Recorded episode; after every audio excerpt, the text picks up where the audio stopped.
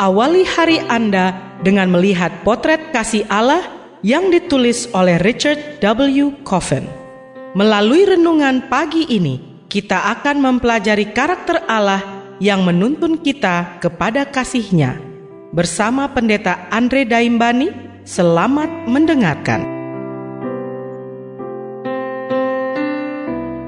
Shalom, selamat pagi saudaraku. Renungan pagi kita hari ini 26 Juli berjudul Lagi-lagi umat Allah. Ayat intinya diambil dari Sakaria 8 ayat 8. Demikian firman Tuhan.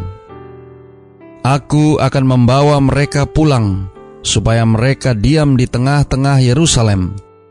Maka mereka akan menjadi umatku dan aku akan menjadi Allah mereka dalam kesetiaan dan kebenaran.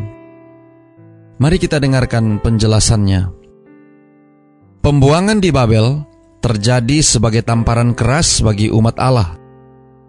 Oh, serangan oleh tentara Mesopotamia bukan hal yang aneh, tapi besarnya kejadian itu, dua serangan oleh Nebukadnezar, jatuhnya benteng Yerusalem, rakyat yang dibawa sebagai tawanan perang, raja yang menyaksikan anak-anaknya dibantai, Lalu raja itu sendiri dirantai dan diarak ke Babel. Lebih buruk lagi, penghancuran bait suci Tuhan yang mulia yang dibangun oleh Salomo. 70 tahun pembuangan dinubuatkan oleh Yeremia telah berlalu. Nebukadnezar dan para penerusnya telah terbaring dalam kubur mereka. Sebuah rezim yang baru di bawah media Persia telah dimulai. Persia telah mengeluarkan undang-undang yang memberikan kesempatan bagi orang Yahudi untuk kembali ke kampung halaman mereka, suatu tempat yang hanya pernah mereka dengar.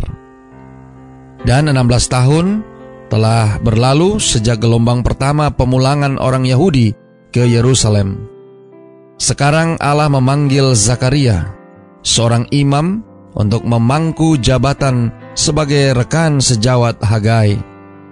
Misi mereka untuk mendukung upaya Zerubabel dan Yosua membangun kembali bait suci.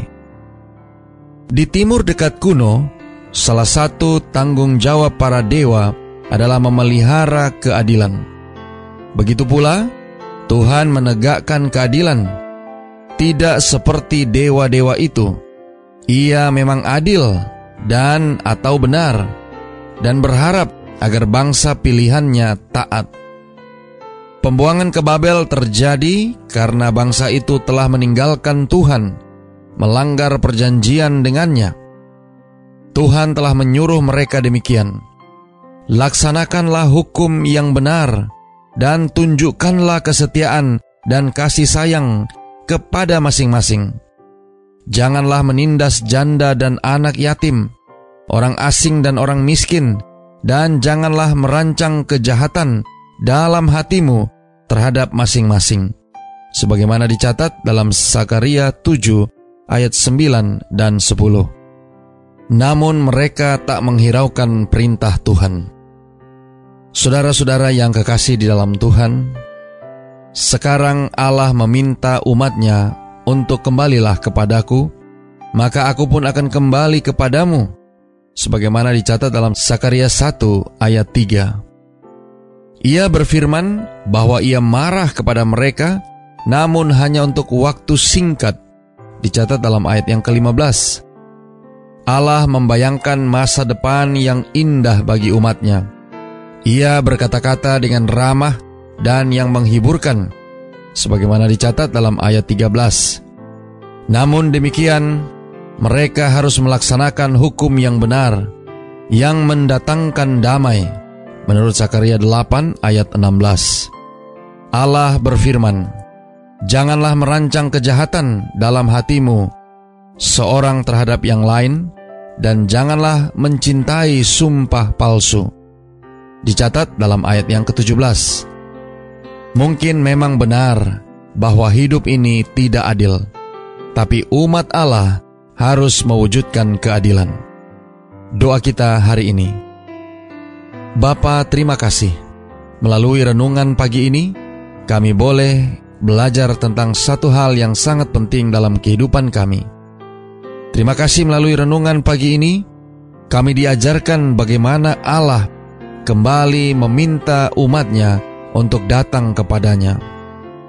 Tolong kami hari ini Bapa, biarlah dengan pertolongan kuasa roh kudusmu, kami boleh dapat disanggupkan untuk melihat potret kasih Allah di dalam kerinduannya untuk membawa kembali umatnya pulang supaya mereka diam di tengah-tengah Yerusalem.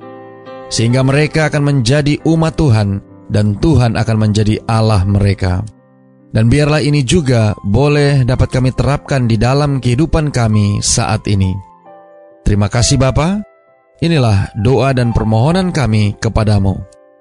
Semoga Tuhan senantiasa memberkati kita sekalian sepanjang hari ini saat kita melakukan aktivitas kita masing-masing.